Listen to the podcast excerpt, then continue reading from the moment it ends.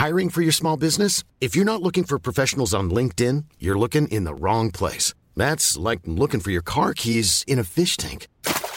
LinkedIn helps you hire professionals you can't find anywhere else, even those who aren't actively searching for a new job but might be open to the perfect role. In a given month, over 70% of LinkedIn users don't even visit other leading job sites. So start looking in the right place. With LinkedIn, you can hire professionals like a professional. Post your free job on linkedin.com slash people today.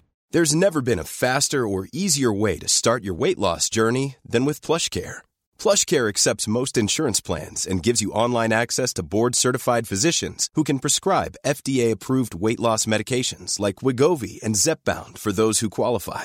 Take charge of your health and speak with a board-certified physician about a weight loss plan that's right for you. Get started today at plushcare.com slash weight loss. That's plushcare.com slash weight loss. plushcare.com slash weight loss. Millions of people have lost weight with personalized plans from Noom, like Evan, who can't stand salads and still lost 50 pounds. Salads, generally, for most people, are the easy button, right? For me, that wasn't an option. I never really was a salad guy. That's just not who I am. But Noom worked for me. Get your personalized plan today at Noom.com. Real Noom user compensated to provide their story. In four weeks, the typical new user can expect to lose one to two pounds per week. Individual results may vary. Helt siden de første menneskene slo seg ned i Trøndelag, har det blitt observert underlige lys over Hessdalen. Fenomenet har blitt forsøkt bortforklart som syner sett av bygdetullinger og deliriske hallusinasjoner forårsaket av den lokale drikkekulturen. Men det skulle vise seg at fenomenet stakk langt dypere, når Hessdalen-fenomenet fikk verdensomspennende oppmerksomhet i ufo-miljøet på 1980-tallet. Fenomenet er fremdeles der, og det er fremdeles like uforklarlig som den gang. I 2024 kommer en podkastserie i seks deler, produsert av Project Hessdalen, som kanskje en gang for alle skal finne svar på hva som rører seg på himmelen i denne bortgjemte dalen i Trøndelag. Serien har som seg hør og bør fått tittelen A Blaze in the Northern Sky, og den kommer til din favorittpodkastavspiller i 2024.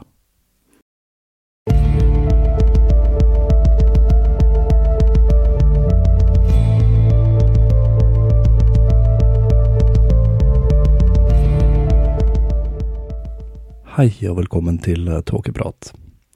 Jeg heter Even, og når jeg tar opp denne episode 205, er det tirsdag den 6. desember 2022.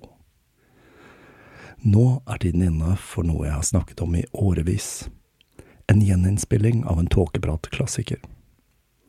I januar 2017 startet jeg på en serie jeg kalte Jean la Pucelle, eller Jeanne Jomfruen hvor jeg tok for meg historien om hva som etter min mening er en av de mest interessante og merkelige figurene i historien noensinne, nemlig Jeanne d'Arc.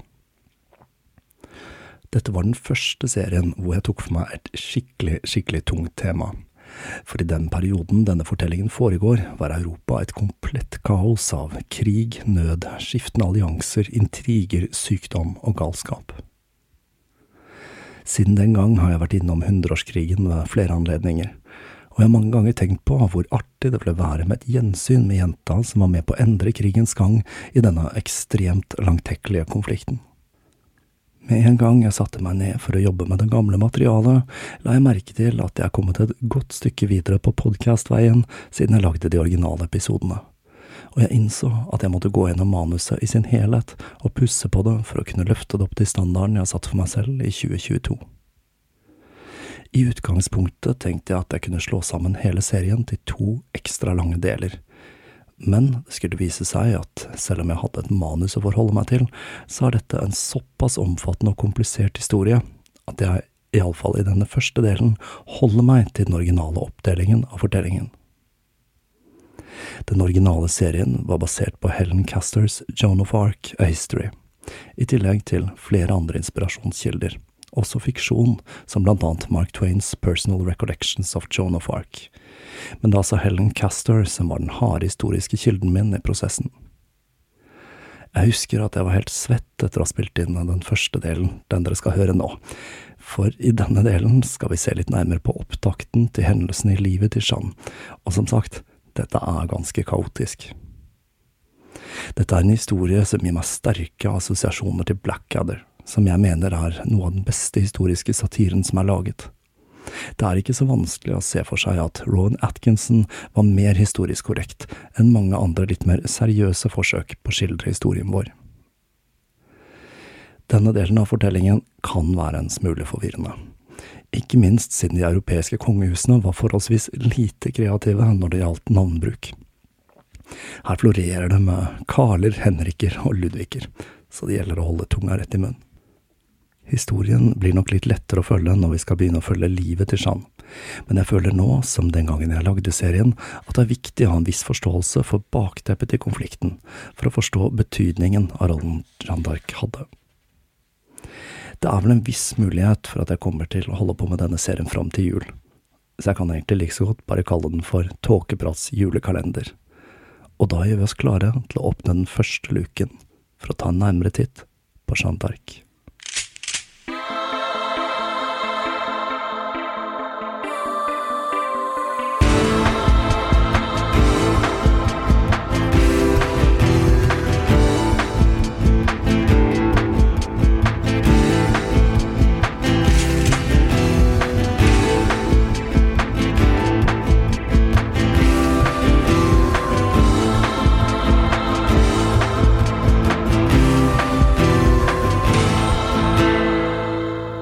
Historie utspiller seg under hundreårskrigen. Krigen som var så lang at man i ettertid har gjort det enkelt og kalt den for hundreårskrigen framfor 116-årskrigen, som strengt talt hadde vært mer riktig.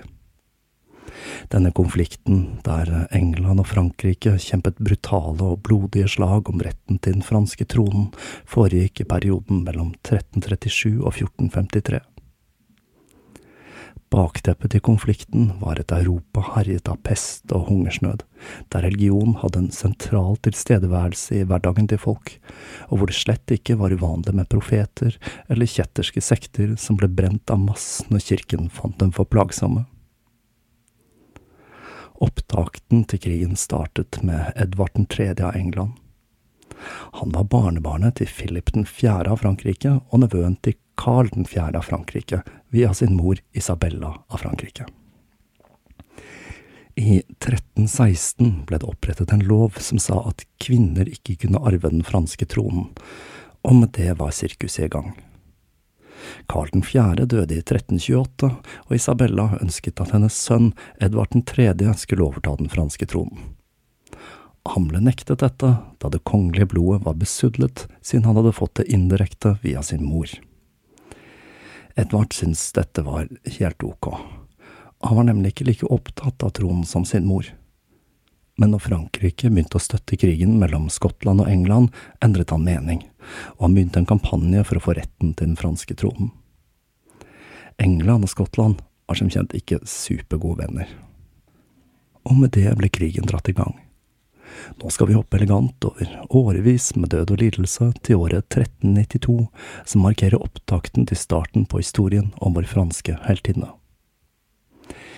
I 1392 ble nemlig den franske kongen Karl 6. gal. En dag i august, når han red med soldatene sine, gikk han fullstendig bananas og drepte fem av vaktene sine før han ble lagt i bakken, hvor han fikk et anfall med kraftige kramper. Han stakkars kar skulle vært plaget av denne galskapen resten av sine dager. Selv om han stort sett var rolig, og ikke begynte å hakke med personer i sin nærmeste omgangskrets, slik han gjorde den dagen i august, var det dager da han ikke gjenkjente sine nærmeste, og han fikk også anfall der han trodde han var laget av glass og kunne knuses, og krampeanfallene kom jevnt og trutt det naturlige valget av ny regent, om han da ikke ville ha en konge som var litt galere enn hva som var vanlig på tronen, var hans eldste sønn Ludvig. Ludvig kunne nemlig ikke bli konge mens Karl levde, men han kunne styre siden kongen var indisponert. Ludvig var det man kaller for dauphin på fransk. Det betyr kort og greit kronprins. Utfordringen med Louis, det var at han var veldig glad i livets goder. Han likte flotte klær og god mat. Og det førte til at han var blitt så tjukk at han ikke var egnet til å føre hæren i krig. Dette var hva man kaller for fatshaming i dag, dette her. Et alternativ til Ludvig, det var onkelen hans, Barry. Han var ikke tjukk, men han var 75 år gammel, og i middelalderår så er vel det nærmere 150, så han var heller ikke egnet til krig. Det var enda et alternativ, men det var enda mindre aktuelt, og det var fetteren til Louise, som var hertugen av Burgund. Han var i motsetning til den tjukke dofanen svært dyktig i strid, og han hadde fått tilnavnet Jon den fryktløse, men det var andre skjær i sjøen. Hertug Philip av Burgund hadde vært kongens høyre hånd, og når han døde, var det naturlig at det var John som skulle overta den rollen. Men slik ble det ikke, for kongens bror, Ludvig av Orléans, hadde sett seg ut stillingen, og fikk rasket den til seg før Philip rakk å reagere. Og slikt, det blir det krangling av. Det dannet seg to fraksjoner, med Burgund på den ene siden og Orléans på den andre. Konflikten mellom de to partene varte i tre år, og den toppet seg i 1407, da John bestemte seg for å forsøke å få Ludvig myrdet. Kvelden den 23. november, når Ludvig var i Paris for å besøke dronningen, ble følget hans overfalt. Angrepet var så brutalt at den ene hånden hans ble hugget av så den kun hang igjen i en liten remse med kjøtt, og hodet hans ble kløyvet i to så hjernen hans tøt utover gaten i Paris den høstkvelden. Når drapet ble kjent, var det liten tvil om hvem som sto bak. John håpet at dette ville få slutt på knivingen mellom de to fraksjonene, og til slutt klarte han å få en slags benådning av kongehuset, kanskje mest fordi Burgund-fraksjonen hadde bred folkelig støtte i Paris. Men freden varte ikke lenge. I 1410 fikk den nye hertugen av Orléans, enda en Carl, militær støtte av provinsen Barry og greven av Armagnac og med det ble navnet Armagnac brukt om den antiburgundiske konføderasjonen. Jon så tegningen på veggen, og bygde på et ekstra festningstårn på boligen sin i Paris, der han sov omgitt av vakter av frykt for å ende sine dager på samme måte som Ludvig. Nå var det Burgund og Armagnac som kjempet om makten i Frankrike, og konflikten mellom de to gruppene skulle eskalere i årene som kom. I 1413 klarte Armagnac å ta kontrollen over Paris, men det betød på ingen måte at det var slutt på stridigheten mellom de to gruppene. Henger dere med så langt? For nå er tiden inne for å trekke inn enda en part i denne kaotiske konflikten. For England fulgte spent med på de indre urolighetene i Frankrike, og Henrik 5. så i snitt til å gripe makten sommeren 1415 og sendte troppene sine til Normandie i et forsøk på å ta over Frankrike. Men det var én ting Henrik ikke tok høyde for og det var at det var én ting Burgund og Armagnac hatet mer enn hverandre, og det var England. De to fraksjonene sendte begge armeer til Normandie for å slå tilbake hæren til Henrik. Hertugen av Burgund bestemte seg for ikke å selv delta personlig, og kongen og Ludvig etablerte et strategisk hovedkvarter i hovedstaten i Normandie, Rouen, hvorfra de administrerte slaget. Carl av Orléans og de yngre brødrene til hertugen av Burgund bestemte seg derimot for selv å delta, for å slå de forhatte engelskmennene tilbake. Når solen sto opp, var troppene klare til kamp. Den franske armeen var i klart flertall, og de var selvsikre der morgenrødets første solstråler skinte i blankpolerte rustninger og fargesprakende bannere blafret i sjøluften. Det var engelskmennene som åpnet ild først, og når pilene begynte å regne ned blant de franske soldatene, ble ordren ropt, og det franske kavaleriet skjøt fart mot fiendens linjer. De engelske bueskytterne sto foran resten av hæren, kavaleriet bestemte seg for å kvitte seg med de først. For sent oppdaget de at den engelske hæren hadde brukt natten på å grave fallfeller med spisse staur foran linjen, og når de første hestene og rytterne falt til sin død der, var det for sent. Kavaleristene som kom bak, presset på og skjøv troppene foran seg ned i grøften hvor de ble presset i hjel. Panikken begynte å bre seg, og de engelske troppene rykket fram og begynte systematisk å hugge ned de franske troppene. Nedslaktingen var total. Dette var slaget ved Agincourt. Det franske nederlaget var fullstendig, og nasjonen lå nede med brukken rygg. Dette nederlaget var så voldsomt at det førte til en religiøs debatt i Frankrike. Det at de hadde tapt så voldsomt, var helt klart en straff fra Gud. Men hvem hadde skylden, Burgund eller Armagnac? Ludvig, denne tjukke kronprinsen, døde i 1415. Til tross for at han ble sett på som ikke egnet som tronarving, hadde han gjort det han kunne for å forsøke å få til en forsoning mellom de to fraksjonene. Men hele den planen falt i fisk når greven av Armagnac ble utnevnt til regent av Frankrike. Men bare regent og ikke konge, siden den gale kongen i praksis fremdeles var konge, selv om han ikke var i stand til å regjere. Det gjorde at Armagnac havnet i en maktposisjon og med det trakk hertugen av Burgund troppene sine nordover til Flandern og Artois, hvor hertugen kunne kose seg i slottet sitt, som blant annet kunne skilte med et eget lysthus der han hadde mekaniske innretninger, automater, morospeil og snakkende statuer. Mens hertugen koste seg med de snakkende statuene sine, begynte han diplomatiske forhandlinger med Henrik av England, og han fikk framhandlet en ikke-angrepsavtale i juli 1416 som omfattet burgundiske territorier i nord. Kong Henrik hadde nok til syvende og sist ønsket seg en allianse med Burgund, men det syntes John var å strekke strikken litt for langt, da dette ville gjøre Burgund-fraksjonen forhatt i hele Frankrike. Han hadde nemlig andre planer. Han planla å bruke den nye dauphinen, den 18 år gamle Shana Turin, for å ta makten.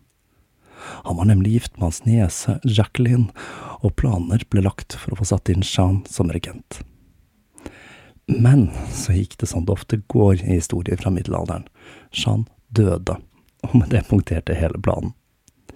Den nye dauphin var kongens yngste sønn Carl, enda en Carl der altså, og han bodde i Paris og var forlovet med datteren til Ludvig, hertugen av Anjou, som var en av de nærmeste allierte Armagnac, og en personlig fiende av hertugen av Burgund. Hertugen av Burgund ble naturlig nok litt skuffa når planene hans gikk i vasken og han forsøkte seg på hva som vel må kunne kalles et tidlig forsøk på propaganda, og skrev et åpent brev til det franske folk. Her kunne man lese at Armagnac var forrædere mot Frankrike, og at det var de som hadde påkalt den guddommelige vreden og sørget for tapet ved Agincourt. Videre skrev han at han var Frankrikes beskytter, og at dersom han fikk bestemme, skulle han avskaffe skatt. Dette må jo være et av de tidligste eksemplene på populisme. Den høsten flyttet han troppene sine rundt i Frankrike for å stoppe forsyningslinjene til Paris, mens greven Armagnac utnevnte den 14 år gamle defanen Carl til løytnantgeneral for å styrke posisjonen hans. Hertugen av Burgund på sin side, han dro til Thor, hvor dronning Isabella av Bayern, Carls mor, var sendt i eksil for å holde innflytelsen hennes unna hoffet i Paris. Siden mannen var blitt gal, så kunne de jo risikere at hun ville ta mer styring. Som vi kommer til å skjønne etter hvert i denne historien, så hadde kvinnene i denne epoken, og ikke minst i Frankrike, hva vi kan kalle for usynlig makt. Der mennene red ut i krig og ble hugget i hjel eller døde av sykdom, satt kvinnene og trakk i trådene og drev med politisk renkespill på høyt nivå. Dronning Isabella så ingen annen mulighet enn å ta imot hertugen, siden han troppet opp med en hel hær og med kontroll over dronningen, mente hertugen av Burgund at han kunne snakke på vegne av den gale kongen. Den 29. mai invaderte burgundiske tropper Paris, hvor de la hertugen av Armagnac i lenker, mens den unge dofanen Carl ble smuglet ut av lojalister. Men dette var ikke akkurat en smooth operasjon.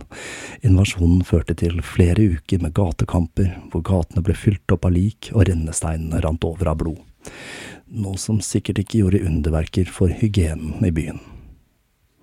Menneskemengden klarte til slutt å ta seg inn i byens fangehull, hvor de drepte alle de fant, inkludert hertugen av Armagnac, som de skar en hudremse av fra skulder til hofte, som en parodi på det hvite båndet tilhengerne av fraksjonen pleide å bære.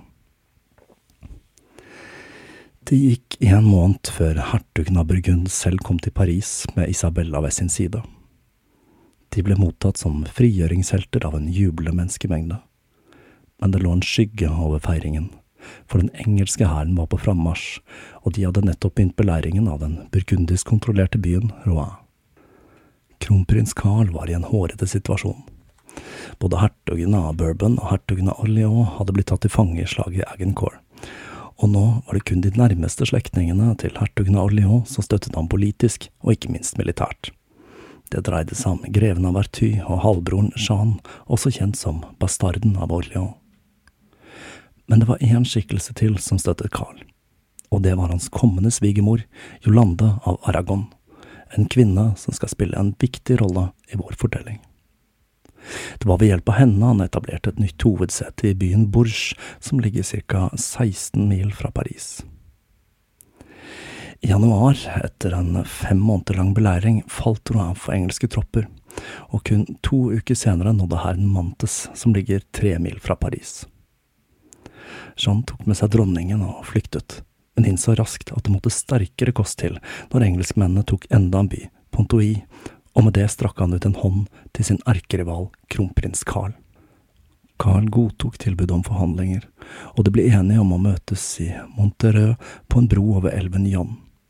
Som et tegn på godvilje ga Carl en borg på den ene bredden til John, slik at de kunne møtes på midten med hvert sitt festingsverk på hver sin side. Begge skulle ha med seg ti mann hver, og det skulle bygges en palisade på midten av broen som skulle verne mot eventuelle snikmordere. Søndag den 10. september møttes de to partene i palisaden. Dørene ble lukket forsvarlig bak dem, og så ble skallen til hertugen av Burgund kløvet i to, og før følget hans rakk å reagere, strømmet soldater gjennom porten og høgg dem ned. Så begynte artilleriilden. Hæren til Carl hadde nemlig skjult kanoner, som nå fyrte av mot troppene på den andre bredden. Kanoner var en forholdsvis ny teknologi i Europa, og det var i hundreårskrigen den teknologien først ble brukt systematisk i krigføring, selv om disse kanonene først og fremst hadde en mer psykologisk effekt, siden de ikke var spesielt effektive. Med det attentatet var alt håp om å forene de to fraksjonene tapt.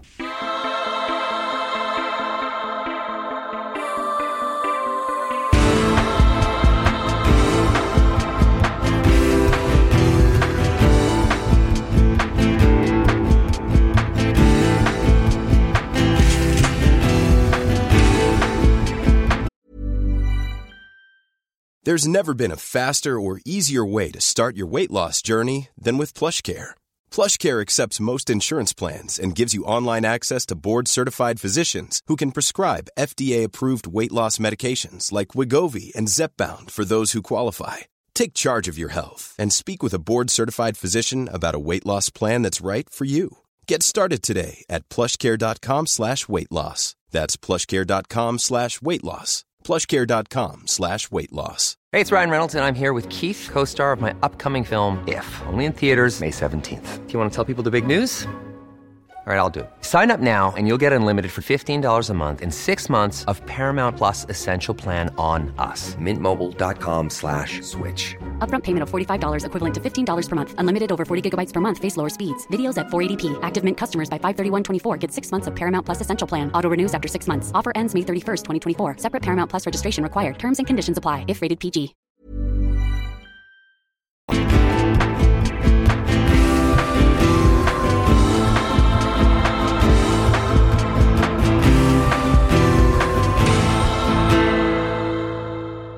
Offentlig nektet Carl for å ha konspirert mot hertugen. Han hevdet at hertugen av Burgund hadde trukket, trukket sverdet først, og at han hadde handlet i selvforsvar. Men denne forklaringen hadde ikke spesielt mye troverdighet, og en som absolutt ikke trodde på den, var arvingen til John, den 23 år gamle Philip, den nye hertugen av Burgund. Enken til John, Margareta Bayern, var også skeptisk, og som et middelaldersk svar på Facebook startet hun en kampanje for å bevise at det var Carl som sto bak drapet på ektemannen. På dette tidspunktet ble den mørke middelalderen enda mørkere i Frankrike. Engelske tropper begynte å raide landsbyer nord for Paris, mens Carl sine tropper plyndret i sør, mens han forsøkte å gjenvinne Paris med diplomati. Det var nok ikke så kult å være bonde på denne tiden, for å si det sånn. Philip av Burgund fikk til slutt nok av alt kaoset. Den 21. mai inngikk han en våpenhvile med Henrik av England, og erklærte han som den rette arvingen til den franske kronen. Henrik giftet seg med den franske kongens datter, Katarina, slik at barna deres skulle bære kronen til de to kongedømmene. Kronprins Carl ble naturlig nok ikke hoppende glad når han fikk denne nyheten. Hans slekt var nemlig etterkommerne av selveste Karl den store, og ikke minst av Klodvig den første, Frankrikes første monark som samlet de frankiske stammene under én hersker. Klodvig hadde konvertert til katolisismen i 496 på grunn av sin kone, som senere ble kanonisert i helgen på grunn av dette. Det var Klodvig som hadde mottatt ampuljen med den hellige oljen alle de franske monarkene hadde blitt innviet med siden, og det var han som først hadde ridd i strid med banneren med oriflam, symbolet alle franskmenn var villige til å dø for. Disse relikviene var svært viktige.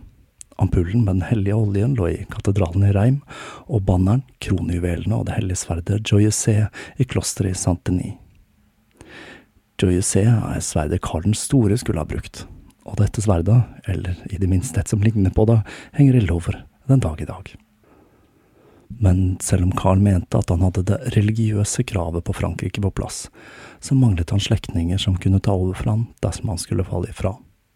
Henrik på sin side hadde tre brødre, henholdsvis hertugene av Clarence, Bedford og Gloucester, som kunne steppe inn dersom han skulle ta kvelden. Siden alle brødrene til Carl var døde, måtte han se seg om andre steder når han skulle finne en ny kaptein til den armaniakiske hæren. Valget falt på den 24 år gamle Philippe Averty, den yngre broren til hertugen av Orléans. Carl ga ham en gullforgylt rustning og en hær med 15 000 mann, og stasjonerte ham på en base 16 km øst for Lyon. Jeg tipper at Carl var ganske fornøyd med å ha klart å snekre sammen en gullforgylt rustning til Philippe. Men den beskyttet dessverre ikke mot sykdom, for Philip han ble syk og døde den 1. september. Det er det som er herlig med disse historiene fra middelalderen. Folk døde som fluer, og det hjalp lite om vedkommende var tiltenkt en stor oppgave. Med den nye kapteinen død flyktet Carl til Melun, og etter ikke lang tid tvang sulten ham til å overgi seg. Den 1. desember 1420 marsjerte Henry av England, Philip av Burgund og den gale kong Carl inn i Paris. Det var en hard vinter, preget av hungersnød og sykdom, men menneskemengdene trosset kulda og møtte opp i tusentall for å ta imot Frankrikes nye regent. Dagen etter kom dronningene. Henrys nye kone, Katrine, red mellom hennes mor, dronning Isabella, og hennes nye svigersøster, hertuginnen av Clarence. Menneskemengden som tok dem imot, var gode og fulle, siden folk så på dette som en god anledning til å drikke seg dritings. Den 6. januar ble Carl tilkalt for å vitne om drapet på John, men han bestemte seg viselig for ikke å dukke opp, og ble derfor dømt til eksil og fratatt arveretten til kronen. Etter det satte Henry og Katarina kursen til England, hvor de skulle sette i gang en kronerulling for å skrape sammen nok penger til å utslette resten av den armaniakiske hæren. Carl flyktet til Tidemannsøya, Mont Saint-Michel, hvor armaniakiske tropper fremdeles gjorde motstand mot den engelske okkupasjonen. For Carl hadde ikke gitt opp håpet. Han håpte nemlig å få militær støtte fra den gamle erkerivalen til England, skottene. Skottene brukte nemlig enhver anledning til å støtte Frankrike i konflikter med England, og når England sendte tropper til Frankrike, utnyttet de sjansen til å raide den engelske landsbygda. Mont Saint-Michel ser for øvrig ut til å være et ganske kult sted å besøke, så jeg noterer meg det til den gangen jeg klarer å ta meg en tur til Frankrike. Den skotske kongen James den første var fengslet i England, og det var hertugen av Albany som var landets fungerende statsoverhode. Hertugen hadde allerede sendt 7000 soldater under ledelsen til John Stuart, Jarla Buchanan og svigerbroren hans Archibald Douglas i 1419, og i 1421 sendte han forsterkninger med 4000 soldater til. Henrik av England på sin side sendte James den første til Frankrike, og sammen med den gale kong Carl skulle de være med de engelske troppene for å demoralisere både skotter og armaniakker men dette tenkte psykologiske overtaket skulle ha svært liten praktisk betydning for skottene. Mens Henry var i England og drev med kronerulling, var det broren hans, Thomas, som ledet den anglo-burgundiske hæren sørover.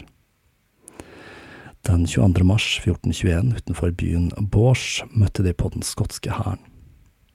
Kapteinen til Thomas rådet han til å vente med angrepet, men den selvsikre Thomas trosset rådet og beordret et stormangrep, sikkert i håp om at overraskelsesmomentet ville telle til deres fordel. Men slik gikk det ikke. Skottene lot seg ikke overraske, og de slaktet hundrevis av britiske og franske soldater, i tillegg til Thomas selv. Den anglo-burgundiske hæren ble drevet på flukt, og de skotske jarlene sendte en budbringer til Carl med beskjed om at Normandie nå var klar for erobring. De franske adelsmennene hadde vært ekstremt skeptiske da Carl hadde fridd til skottene. I deres øyne var skottene barbarer, og de som de omtalte som fulle, sauespisende idioter. Når Carl fikk nyheten om dette slaget, så lo han, og spurte hoffet om de hadde endret mening om alliansen med disse såkalte barbarene. Sammen med skottene erobret den armeniakiske hæren Normandie, og i juli satte de kursen mot Paris. Men Henrik, han hadde lyktes med kronerullingen, og han kom med nye tropper mot slutten av måneden. Disse nye troppene, kombinert med et sykdomsutbrudd i den fransk-skotske hæren, gjorde at armaniakkene var nødt til å trekke seg tilbake til Borg. Det skjedde flere ting denne vinteren. Katrine var gravid, og var derfor blitt igjen i England med hva hun håpet ville bli den første i en arverekke til den engelsk-franske kronen. Henrik på sin side klarte å erobre Mø, en svært strategisk by for Armagnac. I tillegg så klarte han å få tak i en annen viktig sak. Relikvier var jo ekstremt viktig i middelalderen, og siden kona var gravid, klarte Henrik å slå kloa i Jesu forhud. Dette fantastiske relikviet han plyndret til seg fra klosteret Colombe ved Chartres, skulle gi guddommelig beskyttelse til gravide, og jaggu så det ikke ut til at det virket, for eh, Katarina fødte ham en sønn, og med det var den første kongen i en ny potensiell arverekke født. I april 1422 giftet Carl seg med datteren til Jolanda Aragon, Marie, og den høsten ble hun gravid, slik at enda en potensiell konge var på vei. Etter mange mindre trefninger møttes den fransk-skotske og den fransk-engelske hæren i et slag i Vernuil den 17. august.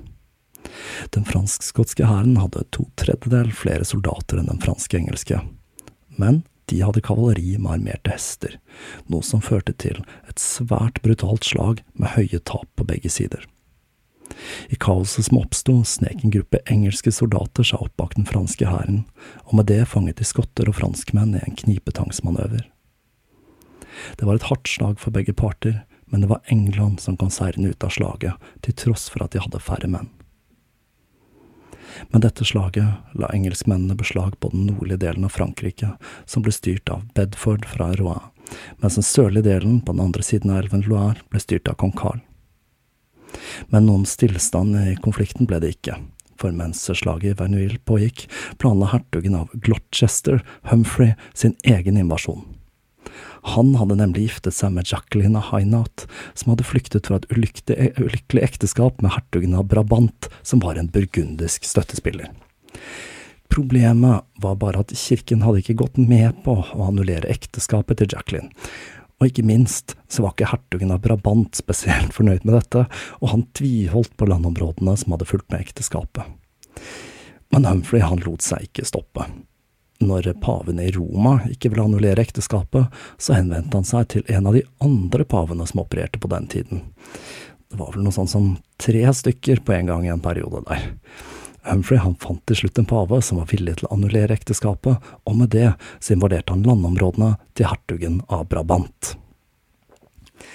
Dette falt ikke i god jord hos Philip av Burgund at en engelskmann giftet seg ulovlig med ei som allerede var gift, for så å invadere landområder under burgundisk kontroll der, altså. Han bestemte seg derfor for at tiden var inne for å begynne forhandlinger med armagnakken igjen. Allerede i september undertegnet de en våpenhvile, og Carl sverget på å holde troppene sine i sør, så Philip kunne konsentrere seg om å forsvare områdene i nord. Men det var ikke nok for Philip. Han hadde virkelig fått nok av denne Humphrey, og han utfordret ham rett og slett til duell. Philip begynte å trene til duellen, og ikke minst så brukte han svimlende summer på rustning, silkepaviljonger og nye bannere til den store duellen. Humphrey på sin side ba om å få dra tilbake til England for å forberede seg. Det fikk han, og han lot sin nye kone Jacqueline være igjen i Frankrike, og tok heller med seg den vakreste tjenestepiken hennes, Eleanor Cobham, tilbake. Og det skulle ikke gå så veldig lang tid før det ble åpenbart at han hadde ingen planer om å komme tilbake igjen. Det var enda en karakter som skulle gjøre alliansen mellom Burgund og England skjørere, nemlig hertugen av Rikmont, broren til hertugen av Bretagne. Rikmont hadde kjempet på fransk side i slaget ved Agincourt, hvor han hadde blitt tatt til fange, men han hadde blitt sluppet fri mot at han aldri skulle motarbeide England og Burgund. Han hadde til og med overtalt sin eldre bror til å la Bretagne, som var nøytralt, støtte den burgundisk-engelske siden i krigen, en allianse som ble sementert med ekteskap. Men til tross for dette løftet, så ombestemte han seg, og i 1424 erklærte han sin troskap til Carl, som utnevnte han til militær leder for Armagnac-fraksjonen. Det var to grunner til at Carl gjorde dette. Én ting var at hertugen var en dyktig strateg, men denne utnevnelsen var selvsagt også med på å gjøre forholdet mellom England og Burgund enda svakere. Så må vi snakke litt om Jolanda av Aragon, Carls svigermor, for hun spiller en viktig rolle i fortellingen vår. Det var hun som hadde hjulpet ham å flykte fra Paris i 1418, og hun hadde sørget for at han var omgitt av hennes lojale støttespillere. Mannen hennes, hertugen av Anjo, var ekstremt velstående og hadde en rekke fancy titler som kongen av Cecilia og Jerusalem, noe som gjorde at Jolande selv bar tittelen dronningen av Cecilia og Jerusalem. Det var nemlig Jolande som hadde klart å overtale hertugen av Rikmond til å skifte side. Og Carl selv innrømmet dette, og sa at utnevnelsen til leder for den armaniakiske hæren var basert på gode råd fra den mest elskede mor, dronningen av Cecilia og Jerusalem. Jolande forsøkte til og med å overtale hertugen av Burgund til å akseptere Carl som konge, men selv om hun var svært dyktig, så var hun ikke så dyktig. Våren 1428 flyttet Karl hovedsetet til en borg ved Chinon, og han tok med seg Jolande som sin rådgiver, mens Rikmont ble stasjonert i en annen borg seks og en halv mil unna. Og så fikk de urovekkende nyheter.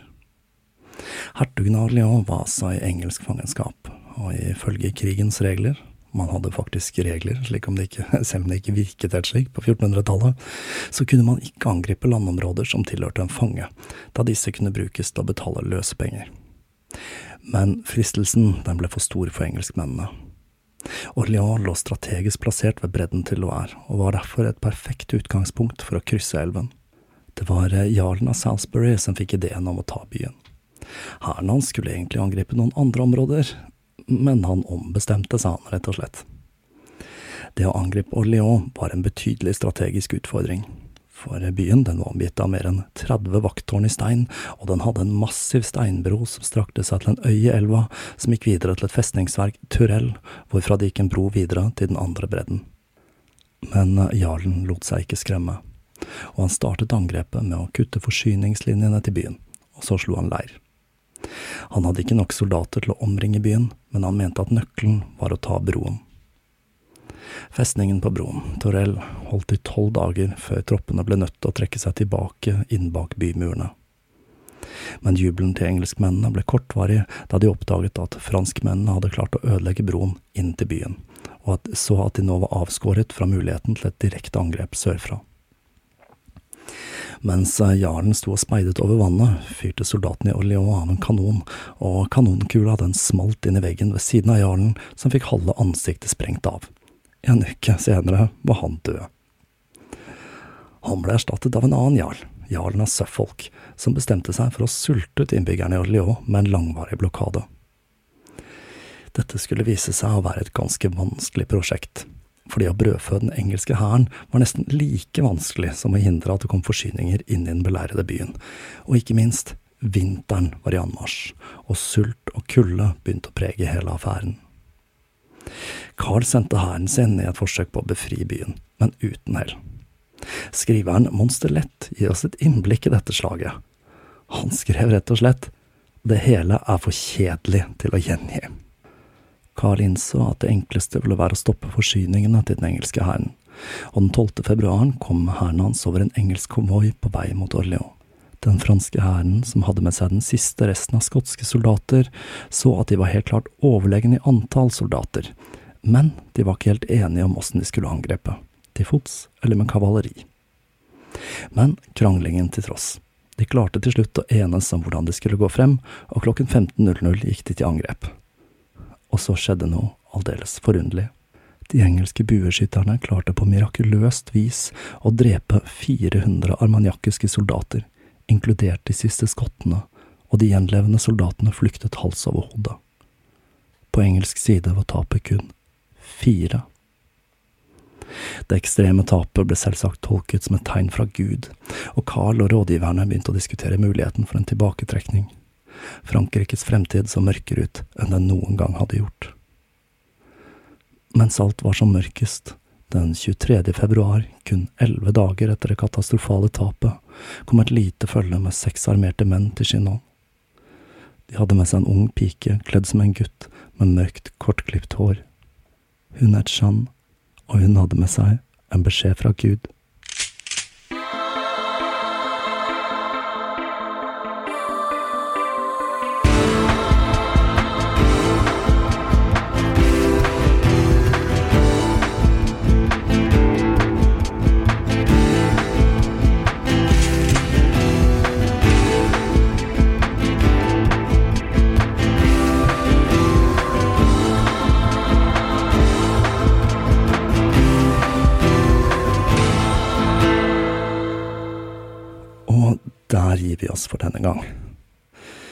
Har blitt meg fortalt at det er lyttere som regner denne serien om Jeanne d'Arc som det øyeblikket tåkeprat ble tåkeprat, og jeg kan si meg litt enig i akkurat det.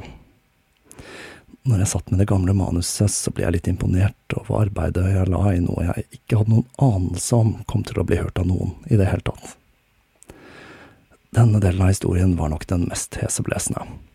Det viktigste her er å forstå hvorfor Frankrike var delt i to, med England og Burgund på den ene siden, og Armagnac og Carl på den andre.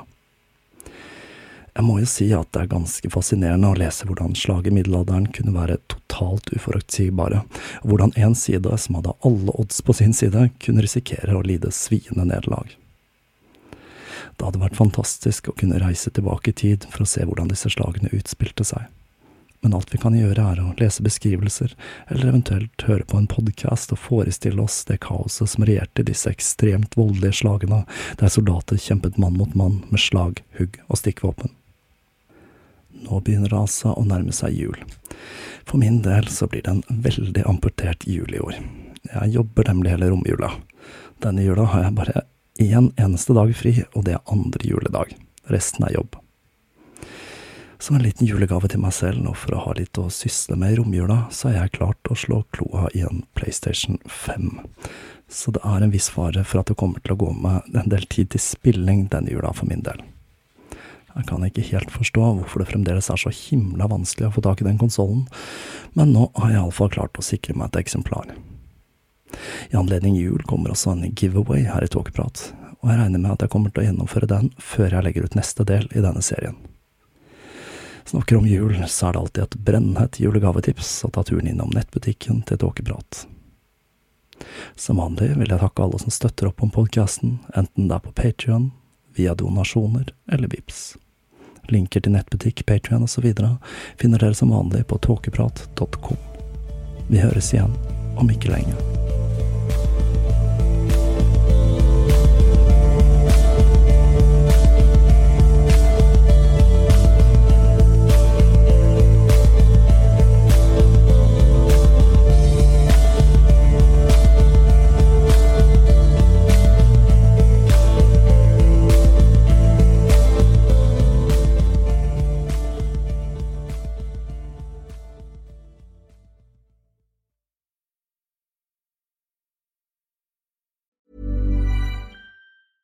Planning for your next trip? Elevate your travel style with Quince. Quince has all the jet setting essentials you'll want for your next getaway, like European linen, premium luggage options, buttery soft Italian leather bags, and so much more. And is all priced at 50 to 80% less than similar brands. Plus, Quince only works with factories that use safe and ethical manufacturing practices. Pack your bags with high-quality essentials you'll be wearing for vacations to come with Quince. Go to quince.com slash pack for free shipping and 365-day returns.